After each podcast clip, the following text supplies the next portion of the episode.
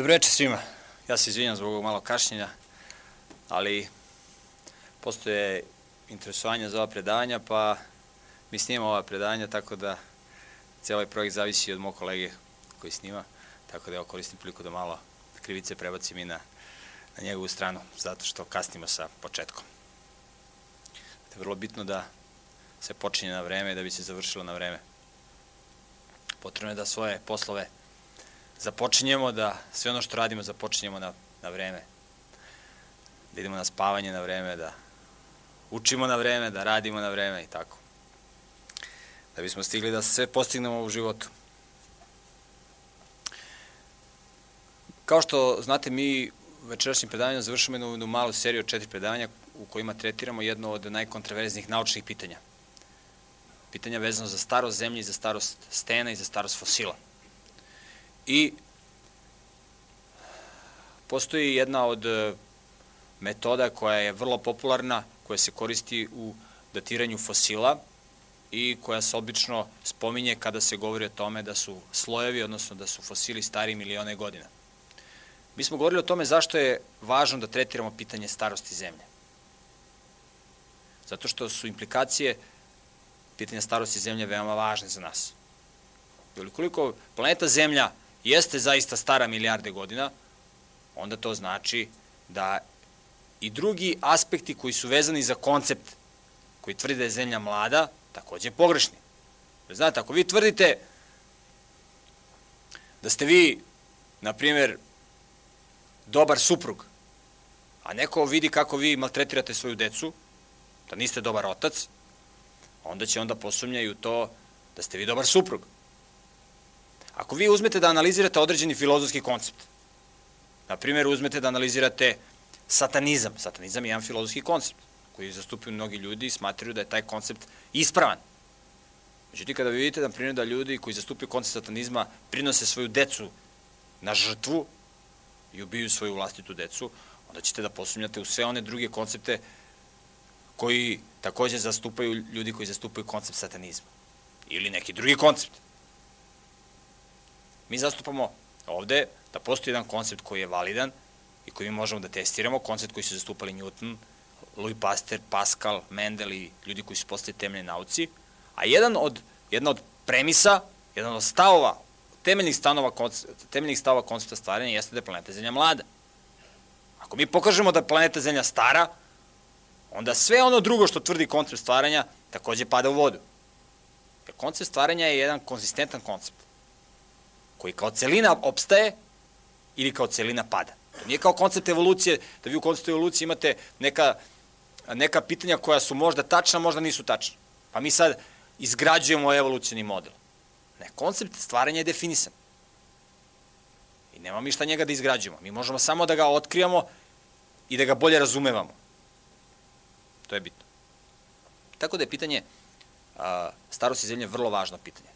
I smatra se da je to najslabija tačka koncepta stvaranja. Međutim, mi smo u ova zadnja tri predavanja detaljno tetirali pitanje starosti zemlje, a večeras ćemo postaviti, staviti tačku na ovo pitanje, analizirajući takozvanu metodu ugljenika C14. Možda kad ljudi kada čuju za ovaj termin, ugljenik C14 misle da je to neki, neki, neka, neki bauk, neki tabu, Međutim, u pitanju je nešto vrlo prosto, kao što su, ja verujem, bile proste i ono, ono što smo pričali prošlih predavanja. O čemu se radi? Mi ćemo sad objasniti metodu ugljenika C14, vidjet ćemo kako ona funkcioniše, onda ćemo vidjeti kakve implikacije izlaze iz toga. Ono što je važno jeste da u svetu postoji jedna institucija koja dodeljuje Nobelove nagrade. I 1960. godine Nobelovu nagradu je dobio jedan Amerikanac koji se zove Libi, dobio je Nobelovu nagradu za hemiju. Dakle, 1960. godine. Zato što je navodno otkrio tu metodu ugljenika C14 koja može da se koristi za vrlo važne stvari. Znate, vi možete da otkrijete, vi možete da napravite neko otkriće. Ali ako je to otkriće nije svrsishodno, ako nema neku... Znate, niko nije dobio Nobelovu nagradu zato što je smislio način da se kuva ukusna hrana. To, za to se ne dobija Nobelova nagrada.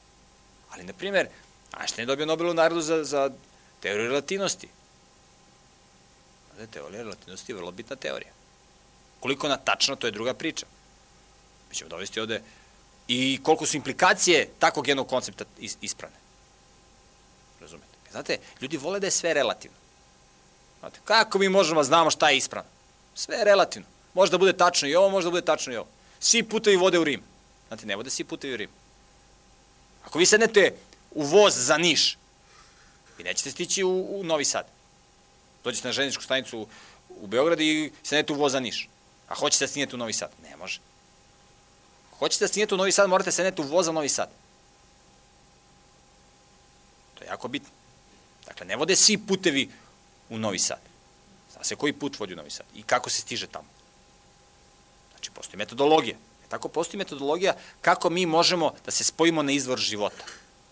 Ili kako to koriste termin teolozi, kako da se religiramo, kako da se povežemo na izvor života. Postoji metodologija koju mi možemo da proučimo da je, i koju možemo da primenjimo u svom životu, naravno. Dakle, 1960. godine Libije dobio Nobelovu nagradu za metodu ugljenika C14. Dakle, čim je on dobio Nobelovu nagradu za metodu ugljenika C14, znači da, da, da je taj pronalazak važan. Znači, važan je zbog nečega. Zbog čega je važan? Zašto? Ja mislim da se sam Libi začudio kada je dobio Nobelovu nagradu. Kao što se začudio Prigožin kada je dobio Nobelovu nagradu za, možete da čitati njegove radove, zato što, znate, u prirodi postoji jedan, jedan, jedan zakon, takozvani drugi zakon termodinamike koji kaže da se u prirodi ide u haos, da se sve raspada. Razumete? Nemate vi u prirodi razvoj, vi u prirodi imate degradaciju. Međutim, Prigožin je uradio jedan rad u kome je tretirao pitanja nastanka minerala i tako dalje. U samom slučaju, njegovi radovi su iskorišteni da, kao da se pokaže da navodno drugi zakon termodinamike u određenim situacijama ne funkcioniše, zbog toga što drugi zakon termodinamike je veliki problem za koncept evolucije. Jer ako postoji drugi zakon termodinamike, onda je evolucija nemoguća. Međutim, onda tu se pokušavaju da se, da se naprave, da se stvore neke krivine, neke zaobilaznice i tako je Prigožin dobio Nobelovu nagradu. Iako on sam kaže da njegov rad ne može da se primenjuje, da se primenjuje na to za šta se danas primenjuje. U svakom slučaju Libi dobija Nobelovu nagradu za metodu ugljenika C14. O čemu se radi? O kakvoj se metodi radi? Zašto je ta metoda važna? Važna je zato što tretira pitanje starosti zemlje.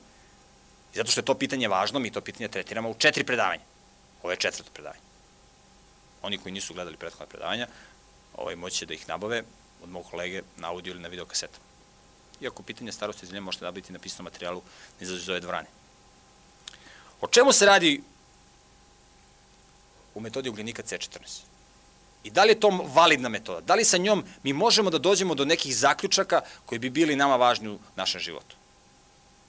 Znate, nekome je vrlo važno da je sve relativno. Nekome. Da ne postoje apsolutni standardi, nego da može i ovako i ovako. Pa da on može da kalkuliše u životu. Znate, Znate kako bi volili oni koji prestupaju zakon. Imate vi, na primjer, u našoj državi imate ljude koji kradu. Koji ubijaju, koji lažu, razumete. Kada bi zakon mogao da se tumači ovako ili onako, kako bi to bilo dobro? Razumete? Onda svako može da radi šta hoće, a može da se tumači ovako i onako. Međutim, zakon ne može da se tumači ovako i onako. To može gde su bezakonici. Sada da vidimo kako može da se tumači metoda ugljenika C14 i zašto je ona važna. Da bismo to razumeli, shvatili, potrebno da, da vidimo čime se bavi metoda ugljenika C14 i šta ona objašnjava. Navodno ona objašnjava da mi možemo, neki smatruju da mi možemo njom da datiramo fosile da, koji su navodno stari milione godina, što odmah dolazi u konflikt sa konceptom starenja. Međutim, mi ćemo vidjeti kakve zaključke do kakvih zaključaka dolazimo analizirajući metodu ugljenika C14. Naime, u atmosferi postoje razni hemijski elementi. I naša planeta Zemlja i atmosfera je izložena kosmičkom zračenju. To kosmičko zračenje uglavnom predstavljaju solarni vetrovi koji dolaze dakle, sa Sunca i to su uglavnom protoni. Protoni su kao neke čestice koje koje, koje nas pogađaju, kao neke male loptice. Inače, uh, ova neživa materija koju mi imamo danas i živa je sastavljena delimično od nje, se sastoji iz atoma. Oni koji ne znaju šta je atom, mogu da kažem da atom izgleda kao sunčev sistem. Dakle, postoji jezgro i postoje elektroni koji kruže oko tog jezgra. U jezgru se nalaze protoni i neutroni. Dakle, protoni i neutroni. I sada solarni vetrovi, protoni, dolaze i bombarduju, možemo da kažemo, planetu Zemlju, odnosno atmosferu. I usled tih solarnih vetrova, dakle ti protoni, oni kako pogađaju atome? Azota, najviše, kisonika i argona, dakle pogađaju, oni izbacuju neutrone iz njihovih jezgara. Dakle, rekli smo u jezgru se nalaze protoni i neutroni. I to su ti takozvani slobodni neutroni. I onda neki drugi atomi mogu da hvataju te neutrone. Dakle, mogu da ih hvataju. To je bitno. I onda ti hemijski elementi dobijaju jedan neutron više i onda dolazi do promene u, njihovom, u njihovoj strukturi, u strukturi tog atoma. Što je za nas važno da bismo razumeli kako funkcioniše ova metoda. I da objasnimo kako to izgleda s aspekta formule. Hemijski elementi se označavaju slovom. Nekada sa dva slova, na primjer hlor se označava sa CL, azot se označava sa N. Azot je za nas jako bitan, zato što je azot hemijski element koji je u atmosferi najzastupljeniji. Azot se označava, dakle, ovako, N, dole levo postoji broj koji, koji predstavlja broj protona ili njegov, njegovo mesto u periodnom sistemu. Dakle, to je da možemo da kažemo njegov redni broj. Broj 1 ima vodonik, 2 ima helijum, 3 ima litijum i tako redom. Azot se nalazi na sedmom mestu u periodnom sistemu. I taj broj 7 predstavlja broj protona koje on ima u atomskom jezgru. Takođe, broj koji je bitan za uh, označavanje hemijskog elementa jeste ovaj broj gore desno koji predstavlja njegov maseni broj, njegovu masu. Jer znate, atom je težak onoliko koliko mu je teško jezgro. Tamo gde su protoni i neutroni. Ovi elektroni koji kruže, oni imaju veoma malu masu i ta masa se zanemaruje. Tako da je obično maseni broj hemijskog elementa zbir protona i neutrona. On ima 7 protona i obično je isti broj protona i neutrona u jezgru kod stabilnih hemijskih elemenata. I on ima, njegov masni broj je 14. Dakle, ukupan broj protona i neutrona. I tako izgleda oznaka azota. E sada taj azot, on hvata u gornjim slojima atmosfere, obično taj azot, on hvata ove neutrone. I sad jedan atom azota uhvati jedan neutron, ali pusti jedan proton. I šta se dešava? Imamo azot N714. I on uhvati jedan neutron, dakle plus jedan neutron, ali otpusti jedan proton iz svog jezgra. I šta se dešava? On više nema sedam protona. Pošto otpustio jedan proton, ima šest protona. Masa mu se smanjila sa 14 na 13.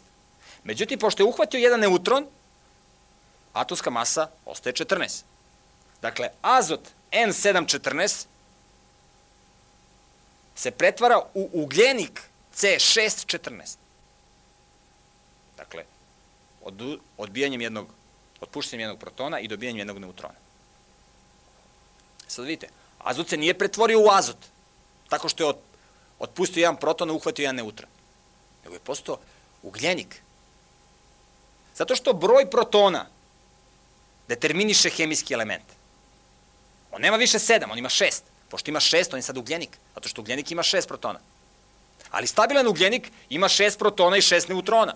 I njegova masa je 12, i to je ugljenik C12. Stabilni ugljenik C12. Međutim, ovo je nestabilni, C14. Ima masu 14, on je nastao od, od azota. I on je nestabilan.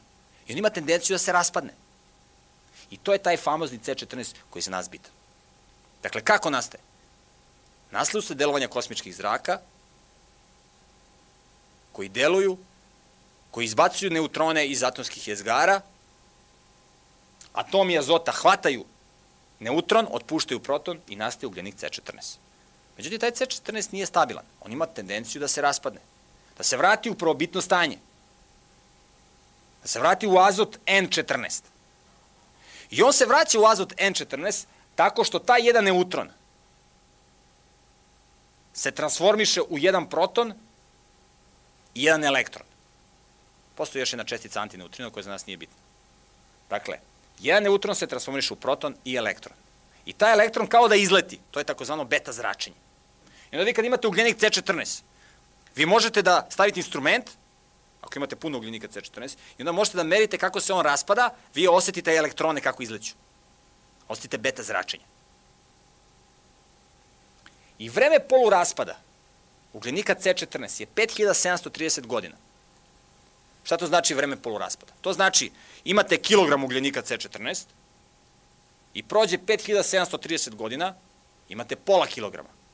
Dakle, 5730 godina je vreme poluraspada, dakle vreme za koje se polovina od ukupnog broja atoma raspadne. I za 5730 godina se raspadne pola atoma ugljenika C14. I vraća se u stabilan N14. E sad, zašto je taj ugljenik za nas bitan? C14. On je bitan zato što u prirodi postoji stalan tok i kružni tok ugljenika. Kako? Dakle, rekli smo da kosmički zraci indukuju, odnosno produkuju ugljenik C14. E sada, jedini proizvođači hrane na planeti Zemlji su biljke. Životinje ljudi su konzumenti ili potrošači. Biljke koriste u procesu fotosinteze ugljen dioksid, CO2. Dakle, biljkama je potreban ugljenik. I sada biljke kada koriste ugljenik iz atmosfere, njima nije bitno da li je ugljenik C12, onaj stabilni, ili ovaj nestabilni C14. Biljke koriste ugljenik koji im je dostupan. Inače, godišnja produkcija, da vidite koliko ima ugljenika C14. Godišnja produkcija ugljenika C14 je oko 10 kg na celu atmosferu. Pazite, 10 kg, znate koliko je to mali iznos? To je neverovatno mali iznos. I sada biljke koriste taj C14 zajedno sa kiselnikom u procesu fotosinteze. I taj C14 postaje deo biljke. On ulazi u organsko jedinjenje. On postaje deo biljke. I biljka u sebi sadrži C14, taj nestabilni. Dakle, na taj način C14 dolazi u živi sistem. Životinje ljudi konzumiraju biljke i oni na taj način unose ugljenik C14 u sebe. Taj ugljenik C14 se raspada, kao što smo rekli, sa vremenom poluraspada od 5730 godina. Međutim, unosi se novi ugljenik C14 preko biljaka ili preko životinja, ali čovjek može da konzumira životinju ili neki životinski proizvod i da na taj način unosi ugljenik C14. Zato što životinja konzumira biljku, naravno. Ili može životinja da konzumira životinju, naravno. I tako ugljenik C14 postaje deo i biljaka i životinja i ljudi. I sad šta se dešava? Organizam kada ugine, dakle biljka uvene, čovek umre, životinja ugine, nema više unošenja novog ugljenika C14, nego onaj ugljenik koji postoji u organizmu, on se raspada, on se dezintegriše. Razumete? Dakle, nema unošenja novog. I tada počinje odbrojavanje, možemo da kažemo. Tada počinje sat da odbrojava, da odkucava. I sada, vi nađete fosil. Naprimjer, nađete kost krave. Fosil.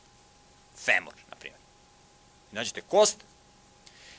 I sada pretpostavimo da imamo precizne instrumente, pomoću kojih ćemo da merimo koncentraciju C14 atoma u tom fosilu. Kako? Uzmemo instrument i onda ga postavimo i onda merimo beta zračenje. I merimo beta zračenje i onda na osnovu toga odredimo koliko ima ugljenika C14. Znate kakve mi moramo imamo precizne instrumente da bi to mogli da merimo? Ja tvrdim da takvi precizni instrumenti ne postoje. Da to ne može da se detektuje. To je toliko mala količina da jednostavno ne može da se detektuje. Međutim, zastupnici konvencionalne teorije kažu da može da se detektuje. Vi sad sami procenite 10 kg na celu atmosferu, koliko je to produkcija i, i, i, i da li bi to moglo da se detektuje. Vi sami procenite. Mislim da sama ta, da sama ta brojka od 10 kg na atmosferu govori o kakvoj se, o kakvom se minornoj količini radi.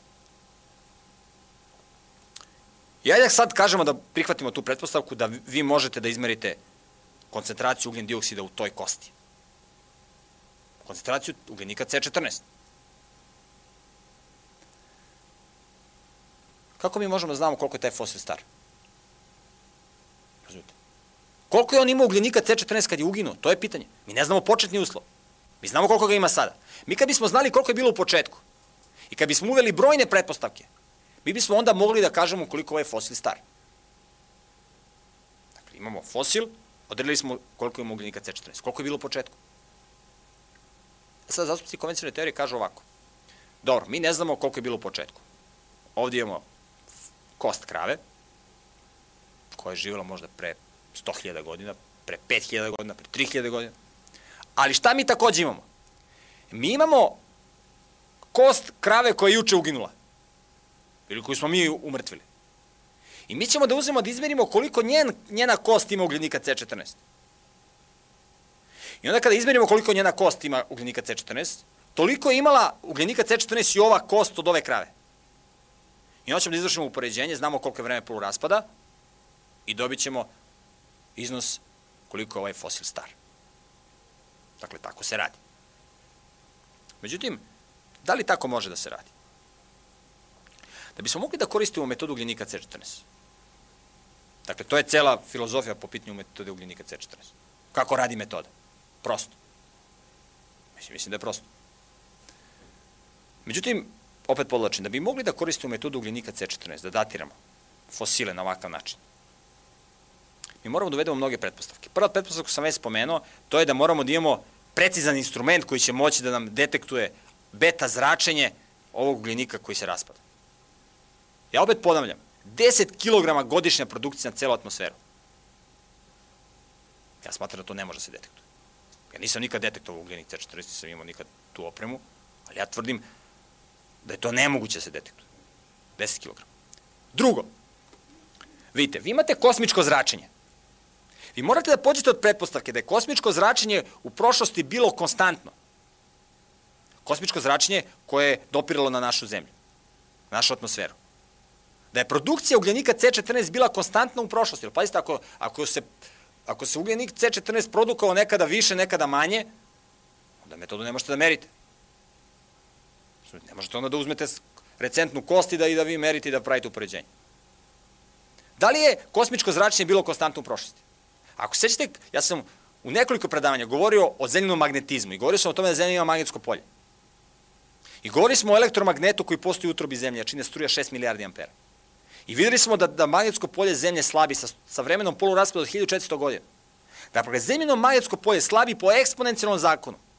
A magnetsko polje je štit koji štiti zemlju od kosmičkog zračenja.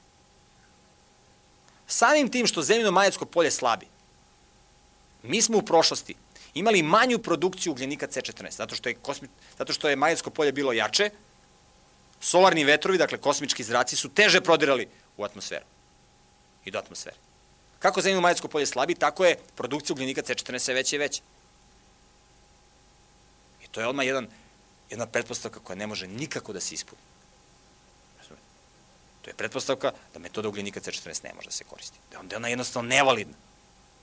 Ne možete da, da merite. Razumete? To je kao da vi vidite slavina, curi voda u, u, u bazen, a imate neoborive dokaze da je gumica se vremenom oštećivala na slavini i da je nekad voda curila spore, sad, sad, sad curi brže. I ne možete praviti upoređenje. Nije to konstantan proces. Zatim, mi moramo da imamo pretpostavku da je vreme poluraspada bilo konstantno tokom vremena. To je takođe zahtev koji ne možemo da ispunimo. Mi u prirodi vidimo da radioaktivni elementi se raspadaju sa stopama koje nisu konstantne. Razumete? Obično raspadajući procesi u početku nagao, a kasnije sve spori i spori.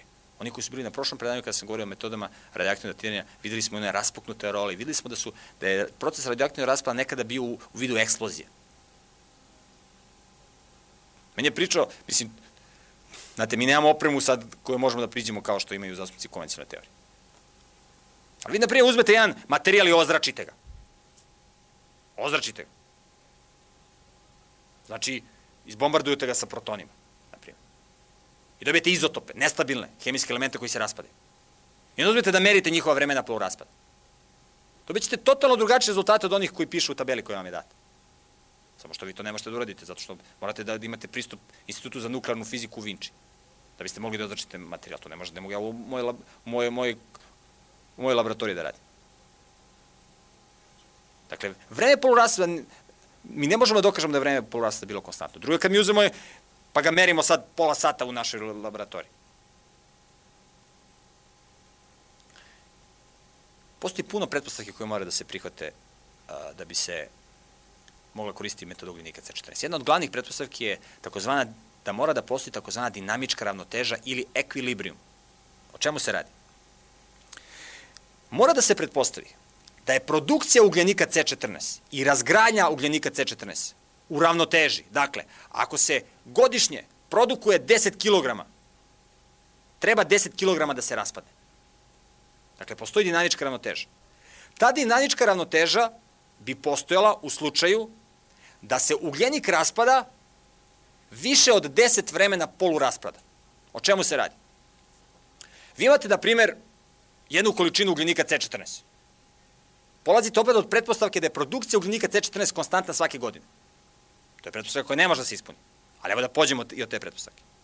Da vidite kako je Libi radio kad je dobio Nobelovu nagradu. Dakle, vi imate ugljenik C14 se produkuje, on se stvara. I sad vi imate jednu količinu. Za jedno vreme polurasta, 5730 godina, vi imate pola od toga. Dakle, imate pola. Međutim, produkovala se druga količina koja se raspada. Posle drugog vremena poluraspada, vi imate pola od ove količine, a od ovih pola se još pola raspalo, tako da imate ukupno pola i ovih pola od, 20, od, od 50%, dakle 75%. Dakle, 100% se raspada, 75%, 100% se produkuje, 75% se ra, raspada. Popet imate da se sledeća količina za jedno vreme polu raspada raspadne na pola, dakle, ostalo je pola, a od ovih 75% ostane pola. Tako da dobijete da je ukupno pola i pola od, nul, dakle, pola od ove količine i pola od 0,75%, od 75%, negde oko 0,875, 87,5%. I tako za 10 vremena polu raspada vi dođete do takozvanog do takozvane dinamičke ravnoteže ekvilibrijum. Dakle, potrebno je 57.300 godina, pošto je vreme polu raspada 5.300 godina, 5.730 godina, potrebno je 57.300 godina da bi došlo do dinamičke ravnoteže. Da je produkcija i razgradnja ista. Sad pazite šta se dešava. Libi meri. I on kaže ovako. Produkcija ugljenika C14 je 8 atoma po gram minutu. Dakle, 18 atoma. Međutim, on meri da je razgradnja između 14 i 16 atoma. A produkcija 18. A trebalo bi da je dinamička ravnoteža, znači ne može metoda ugljenika C14 da se koristi. Kaže, razlika 20%. Kaže, to mora da je eksperimentalna greška. A pazite, dva, znate šta znači 20%? Znači da još nije proteklo 10 vremena poluraspada, još nije proteklo 57.300 godina, nego je proteklo male, manje. Pri 20% razlike, vi dobijate da je zemlja stara 15.000 godina. Da je proces produkcije ugljenika C14 i taj proces vezan za, za, za njega star samo 15.000 godina. Pazite, 20% razliku je on dobio. On kaže eksperimentalna greška. Zamislite, eksperimentalna greška 20%. Znate, kakvi se instrumenti koriste u laboratorijama? Da on pravi grešku 20%. Pa to je strašno, to je skandalozno. Zamislite, vi dođete na pijacu, kupujete jabuke. I on zakine umesto kilogram da vam 800 grama. Zamislite, vi kupite tonu jabuka. Što pravite zimnicu, ne znam. Radite u vojsci. Što zamislite, one vas zakine, ne prodavam tonu, nego, nego vam isporuči 800 kg. 200 kg vas zakine. Kaže, eksperimentalna greška, kaže, loše mi radi vaga. Može kantar loše da radi, razumete? A zamislite u laboratoriji. Znate, kakvi to moraju da budu precizni instrumenti? On dobija 20% razlike. Kaže, eksperimentalna greška. Nije to eksperimentalna greška. To je činjenica koja postoji u prirodi. Međutim, preciznija istraživanja su pokazala nedavno, koje je radio Rubi, da razlika između produkcije i razgradnje je 35%, da je produkcija 27 atoma po gram minuti. Ako je razlika 35%, to odgovara starosti zemlje od 7.500 godina. Dakle, sa preciznijom opremom kada mi radimo. Dakle, kada bismo možda još malo doterali opremu, kada bismo imali još precizniju aparaturu, dovršili bismo do cifre od oko 6000 godina koliko tvrdi koncept stvaranja da je stara planeta Zemlja. Dakle, nema ni govora da se tu radi o, o nekim milionima godina. Dakle, pretpostavke na kojima se zasniva metoda ugljenika C14 nisu validne. Metoda ugljenika C14 ne samo da pokazuje da, da, da fosili nisu stari milionima godina i hiljadama godina, nego pokazuje da je planeta Zemlja mlada. Pored toga, metoda ugljenika C14 je danas skoro i ne koristi. Razumete? Ona se ne koristi zato što i sami evolucionisti priznaju da ona može da, da se koristi za dva do tri vremena poluraspada. Jer, jer onda ne može da se detektuje ugljenik C14. Ja mislim da ugljenik C14 ne može uopšte da se detektuje, ali onda oni kažu da ne može da se detektuje posle 2 do 3 vremena poluraspada. Tako da, do negde starosti fosila možda 15-20 godina ona može da se koriste tvrde zastupci konvencionalne teorije. Tako da kada čujete za metodu ugljenika C14, s njom ne može da se dođe do miliona godina. Ona se, dat, ona se koristi danas od strane evolucionista do 20.000 godina maksimalno. 15.000 godina, 20 maksimalno. Dakle, ako pročitate neki novinski izveštaj, milioni godina i tako dalje, ispominje se slučajno C14 ugljenik. Znajte da taj izveštaj nije validan. Međutim, ugljenik C14 se, se, se veoma često spominje u izveštajima koji govore o starosti pisanih dokumenta. Na osnovu koncepta stvaranja, najstariji pisani dokumenti mogu da budu stari negde oko 4000 godina. 4100, 4200 maksimalno mogu da budu. Zato što je potop, jedna globalna katastrofa koja govori koncept stvaranja, se desio pre oko 4300 godina, kada je sve bilo uništeno. I ništa nije ostalo. Dakle, ne postoje pisani dokumenti stariji od 4300 godina. To je nemoguće. Ako je koncept stvaranja validan koncept. I mi znamo da su najstariji pisani dokumenti stari oko 3800 godina. To su one sumerske pločice. Međutim, kažu neki, nisu, kaže, imamo mi pisane dokumente stare 5000 godina. Tako jedan doktor antropologije iz Amerike je objavio jedan naučni rad u kome on tvrdi da su najstariji pisani dokumenti navodno 5100 godina stari. Ja sam ga kontaktirao pitao sam ga koju metodologiju on koristi da dođe do 5100 godina. On mi je citirao literaturu Scientific American i neku evolucionističke časopise. Naravno, ja se sa tim nisam zadovoljio, sam rekao, znam ja šta pišu evolucijni časopis, nego recite vi meni koju ste mi metodologiju koristili. Onda je on rekao, ugljenik C14. Onda sam ga ja pitao, znate vi kako funkcioniše ta metoda?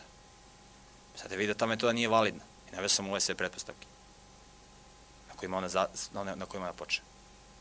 Naravno, on nije mogu da mi odgovori. Znači, ja sam i druge ljude koji se pozivaju na metodu ugljenika C14 poslije ista pitanja na koje oni nisu imali odgovor, zato što metoda ugljenika C14 ne može da se, ona ne može da da odgovor na ta pitanja. Ta metoda nije validna. S njom ne možete da merite. Sve ne možete uopšte da merite. Ali je potrebno, razumete, da, da, ona, da ona figurira. I, i tako je Libi dobio na, Nobelovu nagradu. Zašto?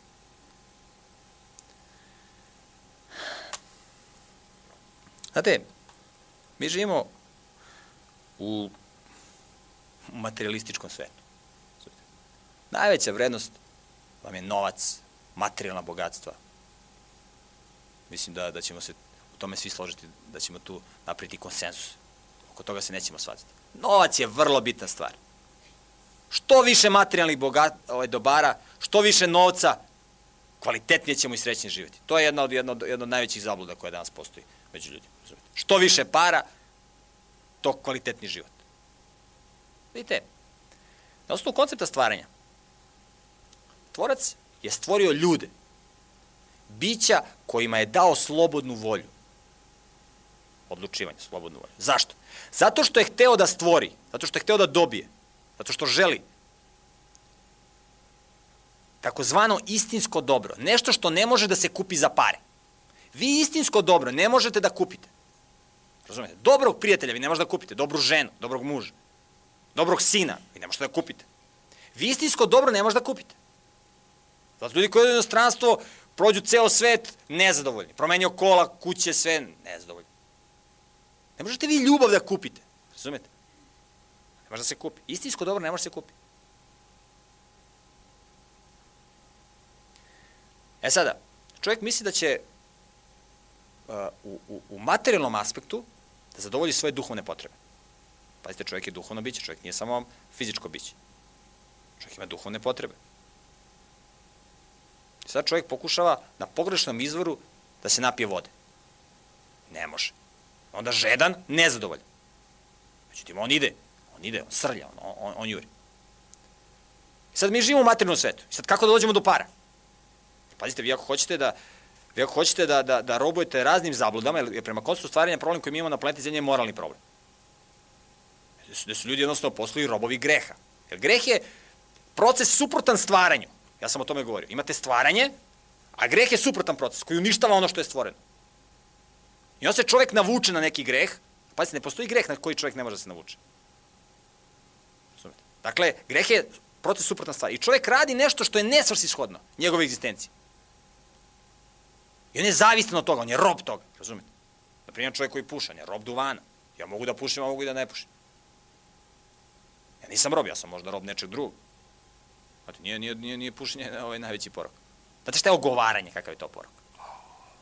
Ogovaranje. Znate, ko se, ko se navuče na ogovaranje? Taj, taj. Lakše je skinuti se sa heroina nego sa ogovaranjem. A znate šta piše u, u Bibliji? Tvorac kaže, preko svog sluge. Kaže, na ovo šestoro mrzi gospod, a šesto je gad, a sedmo je gad duši njegovoj. Tvorac kaže da postoji šest stvari koje on mrzi. A postoji nešto što mu je, u jevrejskom se koristi i reč šikuc. Šikuc znači nešto, gad. Baš gad u našem, nešto najmrske.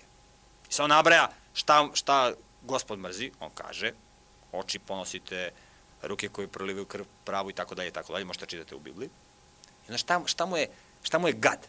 Kaže, onaj koji zameće svađu među braćom. Koji zameće svađu među koji širi zlu krv. On je uradio ovo, on je uradio ovo, a znaš ti šta je ovo?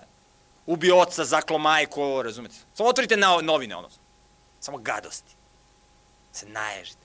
A to je ljudima, nekim ljudima duhovna hrana, razumete? Navuku se. Ogovaranje. Znate kakav je to porok? Znate, to je, to je, to je, to je strašno. I sada pazite, ako vi nekome hoćete, ako vi hoćete da se, da, da se obogatite? Vi ste, na primjer, zavisni, vi ste narkoman. Pazite, narkoman nije samo onaj koji se, koji se navuku na heroin. Droga može da bude i hrana. Zdrava hrana može da bude droga. Proždrljivost. To je greh.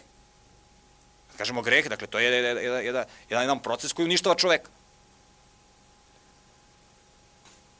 I sada, vi hoćete da zaraditi novac. Živimo u materijalnom svetlu. Ljudi su i tekako zainteresovani da zarade novac. Kako oni to da ostvare? Kako? Sve vi ste vi hoćete da zaradite novac, a treba ljudima da prodajete maglu. Razumete? Ne možete da prodate, razumete, kako sad da prodajete maglu? Vi treba ljude da ubedite da je, da je magla nešto nešto što treba da se kupi. Razumete? I onda ako vi ljude ubedite da treba maglu da kupe, oni će da kupe od vas, a vi ćete da da se bogatite. I sad vi imate zaista, nemate vi sad da kupujete maglu, na primjer, u konzervi, ali imate da kupite neke slične artikle. Na primjer, ljudi prodaju duvan, cigarete. Pa čemu to služi? Ali oni dovedu, razumete, dovedu, na primjer, nekoga ko, ko će to da reklamira. Znate, danas je vrlo popularno i, i, i danas velika većina ljudi na planeti Zemlji živi dva života. Jedan život je život za masu, za javnost. Kako ćemo mi da se pokažemo, razumete? I onda mi se doterujemo, šminkamo, hoćemo da ostavimo dobar utisak. Ali to nije ono što smo mi, znate. Postoji ono drugo lice, to je ono kad mi dođemo kući mi dođemo kući. To je drugo lice. Naše drugo lice. Naše pravo lice. I to naše pravo lice, znate kad se pokazuje? Naprimjer, kad nam neko stane na žulj. Proradi aždaja iz nas. Razumete? Onda se vidi ko smo mi, razumete? U nepredviđenim situacijama. Mi znamo da ćemo izađemo na scenu pa se doteramo, pa ljubazni smo, razumete? Dođe nam mušterija u trgovinu, a mi ljubazni, zato što ćemo da mu uzmemo pare, naravno. Ko sretamo na ulici, nismo zainteresni za njega. Možda crkne ko će. Da njemu prodamo naš proizvod. Da li će taj proizvod njemu da bude na blagoslov, na, na, na njegovu nas ne interesuje, nama bitan, nama je bitan, bitan profit. I sad vidite tom filozofijom, hoćete da prodate, prodate, na primjer, duvan. Kako, kako to da prodate? Razumete? I onda vi, razumete, pošto je danas bitno to prvo lice, da se mi pretvaramo, da mi glumimo, zato su glumci popularni. Vi dovedete glumca, nekog dobrog pretvarača. Platite dobro nekome sa Hollywooda, razumete, i on dođe. Profesionalac glumac. I sad on glumi kako je njemu lepo dok puši. I sad vi kao što uvidio. Pa plate ovoga, pa plate ovoga, plate ovoga. Dakle, manipuliše se sa ljudima. Da bi im se prodalo nešto. Iako iza toga postoji neko ko, ko, ko iza toga, koji koristi taj aspekt, taj, taj, taj aspekt našeg bića. Taj greholjubivi aspekt našeg bića, koji, koji, koji radi na tome da nas uništi. Mi smo govorili ko je taj. I sada pazite, vi dovedete glumce, glumci su idoli. Znate, vi, vi ćete najbolje da reklamirate svoj proizvod kada, kada, kada dovedete idola ljudima. Popularan, lično svi ga dovedete. Tak. A jedan od idola 20. veka je nauka. Znate kako ljudi cene nauku? Pojavi se naučnik, priča, lepo reče. Koristi neku terminologiju koju vi uopšte ne razumete. O, ovaj završio visoke škole, ovaj, šti šta ovaj priča? Kaže, završio na Harvardu. O, Harvardu. Ovaj sve zna. Ja, moj prijatelj koji, koji studira medicinu mi je pričao, kada je njihov profesor farmakologije, to je nauka koja se bavi proučavanjem lekova i tako dalje, Znate šta njima profesor kaže studentima medicine? Kaže, znate šta? Kaže, vi da ste pametni. Vi kad završite medicinu, znate vi kakav utjecaj možete da imate na, na, na narod? Ljudi prvo, na prvom mestu im je Bog, pa onda lekari. Jedno, Bog ima veći autoritet od lekara. Vi takav pozitivan utjecaj možete da izvršite na društvo. Time što ste lekari. Kad budete sutra bili lekari. Da je to neverovatno. I to je živa istina. Da to je lekar, koliko su to koliko je lekar cena ličnosti. Čovjek koji zna. To su cenjene ličnosti. Zato mnogi ljudi danas se bave, studiraju. Razumete? On studira, njega ne interesuje to što on studira. On dođe na buba, ispit na pamet, položi, do, dođe studira 10-15 godina, dođe do diplome. Razumete, oni ljudi misle vide diplomu da on nešto zna. Međutim, ozbiljni ljudi znaju da, da, da, da to nema nikakvu vrednost, razumete? Vi ako ćete da se bavite naukom, onda studirate. Ako vas nešto interesuje, da otkrijete. Vama može studiranje samo da omogući da se, da se osposobite, da se bolje bavite naukom. A ne da vi studirajući postanete naučnik. Vi ste naučnik, a studirate da, da, da biste se još više osposobili. Razumete? Sada, pošto je nauka idol savremenog sveta, zato kad se pojavi, na primjer, u nekoj emisiji ili nekom predanju, pojavi se, na primjer, doktor nauka. Zamislite, ja se sećam jedan moj prijatelj, a zamislite pojavi se akademik. Znate vi kad dođete na fakultet, imate, na primjer, na kancelariji piše, doktor Petar Petrović, na primjer, doktor, redovni profesor.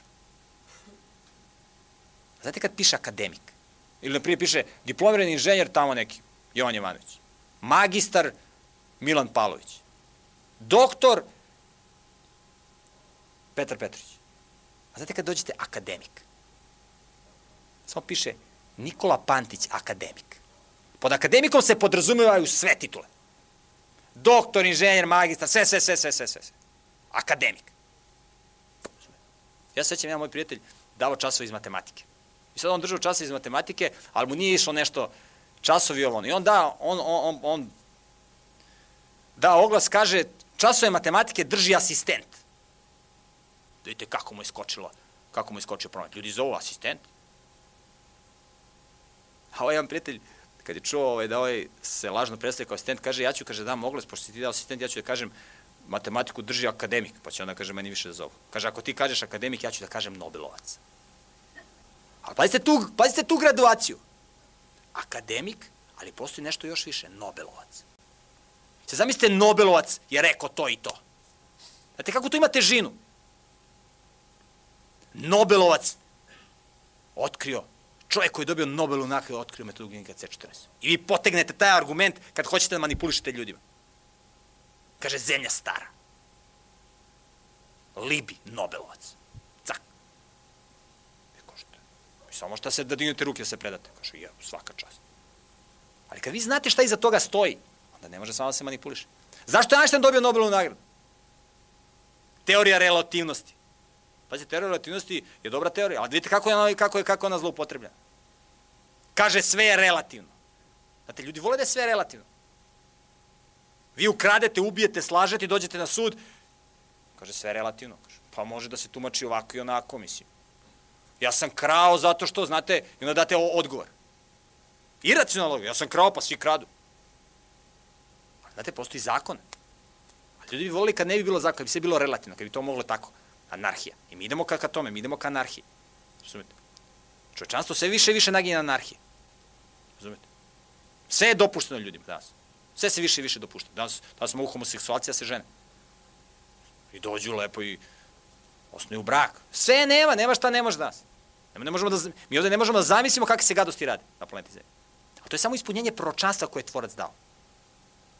Da će pre nego što on bude definitivno rešio problem koji postoji na planeti Zemlji, stanje biti kao u predpotopno vreme, kao u Nojevo vreme, da će ljudi postati kao bakterije. Samo jelo i razmnožavanje. Nema kakav, kakav duhovni aspekt, duhovni ili to ne postoji. Potpuna telesnost. Razumete? Idemo tamo gde ima da se jede. Šta se priča, nije važno. Idemo samo...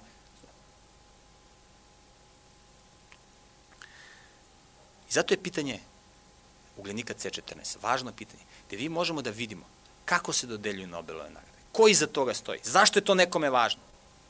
Kada mi pokažemo da je sve relativno, znate, kaže, implikacija Einsteinove teorije relativnosti, koja je navodno formulisa, jeste da ne postoji referentni sistem u svemiru.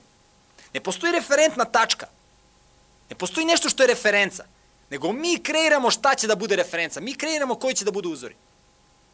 Mi ćemo ljudi da, da, da, da pravimo koncept kakav mi hoćemo. Razumete? To je skupe se mala deca i kažu nećemo mi oca da slušamo. Ovo ima tri godine, ovo ima pet godina, ovo sad ćemo, sad ćemo mi da napravimo kako ćemo mi da živimo u kući. Ne treba nama otac. Ne treba nama, nama, nama vrhovni autoritet. Nego ćemo mi kako mi hoćemo. Da možete zamislite kakav bi to košmar bio. E, to je ono što se danas dešava na planeti Zemlji. Košmar. Planeta Zemlja samo izgleda lepa iz svemirskog broda. Znate, vidite ovako. Kad se spustite na Zemlju, otvorite posljednju stranicu novina, ono, ono, ono, ono lica umrlih ljudi.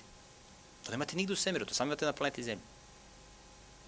Dođite u bolnicu, samo da vidite, samo da, samo da proštate hodnikom. Ne morate uopšte ulaziti u sobe, samo prođite hodnikom kroz bolnicu. Da vas jeze uhvati. Da vidite pravo lice planete Zemlje. A ne ono kad vi menjate kanale na, na vašem televizoru. To je laž. To je obmana. Zato, zato tvorac kaže u Bibliji, mudrost je sklanjati se od zla. Beži od zla. Zato što postoji jedan zakon koji nije formulisan fizikom i hemijom, a to je da je zakon ljudskog uma da se pretvara u ono što mu je pred očima. Znate, u šta gledate, u to se pretvarate. Kaže, ne bi ja nikad bio homoseksualac. Tako su mnogi mislili, pa su se družili s njima, pa su, pa su završili. Ili kaže, ja se nikad ne bi drogirao. Nikad se ne bi drogirao. Kaže, ne može to na mene da deluje, da deluje destruktivno. Kaže, ja se s njima družim ovako, ali ja, kaže, ne, ali ja u tome ne učestvujem. Onda prođe samo nekoliko meseci. Ja u tome ne učestvujem. Pojavi se dete u zgradi, u dvorištu, znate, ispred zgrade deca se igraju, i izađu roditelji i čujete smeh. Dođete tamo, šta se smeju? Dete psuje, neko dete psuje tamo. Oni se svi smeju, ha, ha, ha. Međutim, za mesec dana se više niko ne psuje. Niko ne sme. Zato što, zato što su njihova deca naučila od tog deteta da psuju. Pa kad dođu deca kući, pa onda njih psuju. Te iste koji, koji su se smejali. Mi se smejemo grehu. Nama, nama, nama je greh šala. Mi se smejamo. Mi se smejamo, razumete? A posljedice toga su katastrofalne. Razumete? Samo dode, konsultujete hitnu, hitnu službu medicinsku. Razumete? Ili, ili dođete, dođete jedno veče u, u, u interventnu službu da vidite kakve ljude dovoze na kolicima iz saobraćenih nesreća. Koji su bili bekrije. Samo doćete da vidite. Posledice našeg života. Strašne. Da vidite te izlomljene ljude. Krvave. Uništene za, za, za, za ceo život. Doživotni invalide. Strašno. Mi se, mi se smeo, mi se, mi se, mi se smeo. Ali zašto? Zato što se s nama manipuliše. Zato što postoji, ja sam o tome govorio, postoji plan uništenja, kako da se čovek uništi, kako da se čoveku skrati put do groba. Ja sam o tome govorio kad sam držao predanje tajna okultizma. To je vrlo važno. I u sledećem predavanju koje će biti za 7 dana, koje nosi naslov Uvode u apokalipsu, ja ću govoriti o događajima koji su tu pred nama. O događajima koji će vrlo uskoro početi da se odvijaju. Znate, Planeta Zemlja će morati da prođe kroz porođajne muke, da tako kažem. Planeta Zemlja će morati da prođe kroz jedan period pre nego što na planeti Zemlji budu obnovljeni, bude obnovljena planeta Zemlja kao što je to bilo u početku. Znači, tvorac je obećao da će da vrati Zemlju u prvobitno stanje. Mi na osnovu fosila smo videli kako izgledala planeta Zemlja u početku, kako izgledala nekada. I mi ćemo, i, i postoje, postoje određeni događaji koji će da trigeruju, koji će da započnu te posljednje, te, te, te posljednje događaje to apokaliptičko vreme. Ja ću o tome govoriti u sledećem predavanju za sedam dana. A ti događaji su tu pred nama. To nije godinu dana, pet godina, deset. To može da bude vrlo uskoro. Za nekoliko dana, za desetak dana, može za petnaest. Pred nama su vrlo važni događaji. I mi treba da pratimo, mi treba da vidimo šta se oko nas dešava. Da živimo u realnosti, ne da živimo, razumete, u imaginarnom svetu. da gledamo neke izmišljene priče, da slušamo izmišljene priče, da gledamo izmišljene filmove sa izmišljenim događajima i da živimo u imaginarnom svetu. Nego da živimo u realnom svetu i da gledamo šta se oko nas dešava. To je vrlo važno. Zato tvorac kaže, izgibe moj narod, jer je bez znanja. Znate, mi smo svi njegov narod. Kaže, izgibe moj narod jer je bez znanja. Kad si ti odbacio znanje, odbacit ću ja tebe.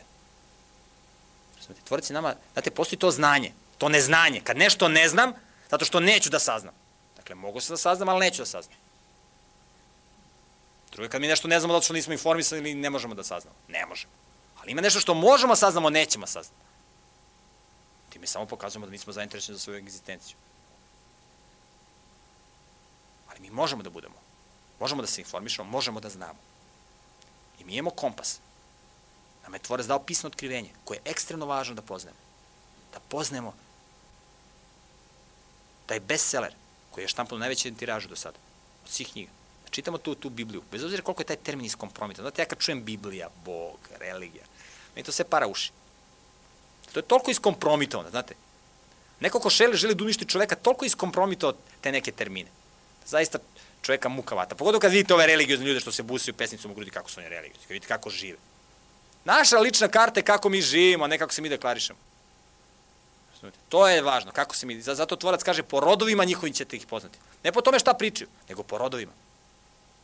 Znate, zato je, zato je čovek u, u, u Bibliju poređen sa drvetom koji donosi rod. Znate, sve što u prirodi stvore, što je tvorac stvorio, se nečemu služi. Razumete? Biljka ima, ima, ima svoju svrhu postojanja, ona služi. Sve ima svrhu svog postojanja. Samo čovek nikome ne služi i ničemu. Zato što je sebičan. Zato je tvorac uporedio čovjeka kao, kao uporedio ga sa drvetom. Drvo koje donosi rod. Čovjek koji, za, koji poštuje zakone života, koji poštuje moralni zakon. Razumete? To je čovjek koji je srećan, koji je istinski srećan. I srećan čovjek emituje sreću, on daje sreću i njega možete prepoznati po tome što daje sreću. Nesrećan čovjek traži sreću. Dakle, srećan čovjek je drvo koje donosi rod. On usrećeva druge. On ima šta da ponudi, on ima šta da da. Razumete? On ima rod. Nešto što drugima služi, kao što drvo daje rod koje, kojima drugima služi. Ali zakon ljudskog uma je da se pretvore onome što, je, što mu je pred očima. A mudrost je sklanjati se od zla. I zato tvorac kaže, u prvom psalmu, preko svog sluge Davida, kaže, blago čoveku koji ne ide na veće bezbožničko i u društvu nevaljalih ljudi ne sedi i na putu grešničkom ne stoji nego mu je omilio zakon gospodnji, o njemu misli dan i noć. Omilio mu je moralni zakon. Njemu je milo da čini dobro, da se izgrađuje, da, da, da, da, da, da ostvari svrhu svog postojanja.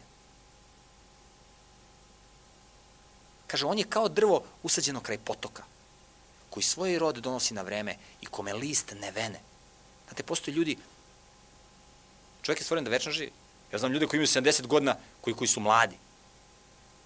Koji su mladi, koji su duhom, znate kako pucaju od, od, od mladosti. Znam ljude koji imaju 20 godina koji su hodajući mrtvaci. Razumete? Zato je to bitno. Da, da, da, da, mi, da mi budemo drvo koje donosi rod i kome list ne vene. Dalje kaže tvorac. Ali nisu, kaže, takvi bezbožnici. Kaže, oni su kao prah koji raznosi vetar. Zato je bitno, bez obzira koliko nam je otupala savest, mi imamo pisano otkrivenje, mi možemo da se edukujemo, mi možemo da izoštramo svoje čulo, to duhovno čulo. Tako da naše oko se tako izgradi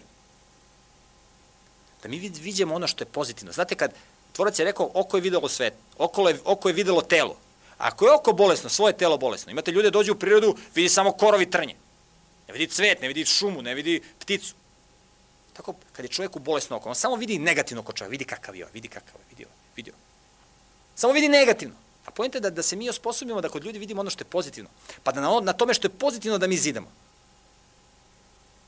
Znate? Ali mi treba da se izgradimo. E, to je ono što se zove istinsko dobro. To ne može da se kupi. Ne može karakter da se kupi. Ne može. Dakle, moramo da posvetimo vreme sebi. Zato to znači posvetiti vreme. Mi ćemo govoriti o posvećenju vremena u jednom od predavanja. To je vrlo važno pitanje.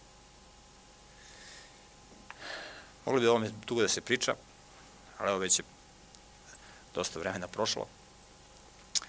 U svakom slučaju, Verujem da smo ovom kratkom serijom uspeli da odgovorimo na jedno od najkontroverzijih naučnih pitanja koje je vrlo važno za nas, jer kada pokažemo da je pitanje starosti zemlje validno, onda sa potpunom sigurnošću možemo da tretiramo jedna pitanja koja ne možemo naukom da testiramo. Mi ne možemo da testiramo šta je moralni zakon ili nije moralni zakon. Ali kada, kada pokažemo da je pisano otkrivenje koje je tvorac dao naučno validno, onda možemo da prihvatimo i onaj aspekt koji ne možemo naukom da testiramo. To je vrlo bitno. Mi smo ograničena bića, mi ne možemo da prodaremo sve aspekte života. Ja bih ovde stao za večeras i zahvalio bih se na vašem strpljenju na pažnji. Pozovio bih vas ukoliko ste zainteresovani na izlazu iz ove prostorije imate materijal koji možete da nabavite, pisni materijal. Takođe možete da mi postavite pitanja lično na izlazu iz ove dvorane i ovaj, pre nego što vam poželim prijatnu laku noć, pozivam vas još jedan put na sledeće predavanje koje će nositi naslov Uvodak u apokalipsu, koje će biti, dakle, idućeg ponedeljka od 18.20 časova. Želim vam svima prijatnu laku noć.